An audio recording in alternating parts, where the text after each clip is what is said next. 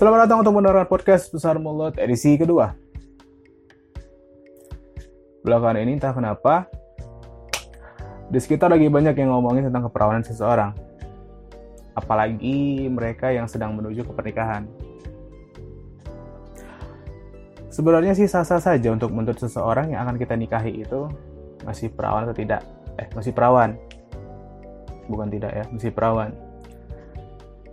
Ya, karena itu kan hak masing-masing. Dan gak ada larangan untuk itu.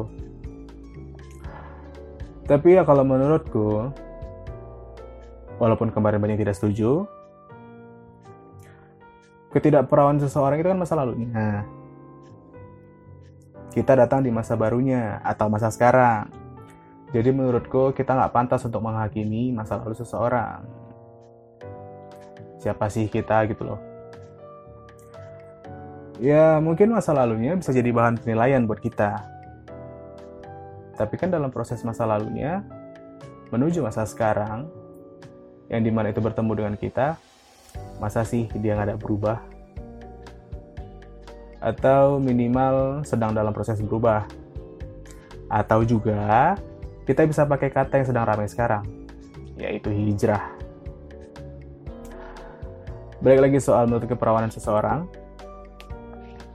itu terserah itu hak masing-masing untuk menuntut seseorang perawan atau tidak. Uh, apalagi yang menuju ke pernikahan ya. Tapi menurutku jangan sampailah kita malah menghakiminya. Karena kita nggak karena kita nggak berada di masa lalunya. Dan kita nggak tahu bagaimana masa lalunya dulu. Jadi jangan sok tahu Apalagi kalau berbicara tentang diri kita sendiri sebagai pria. Yakin masih berjaga.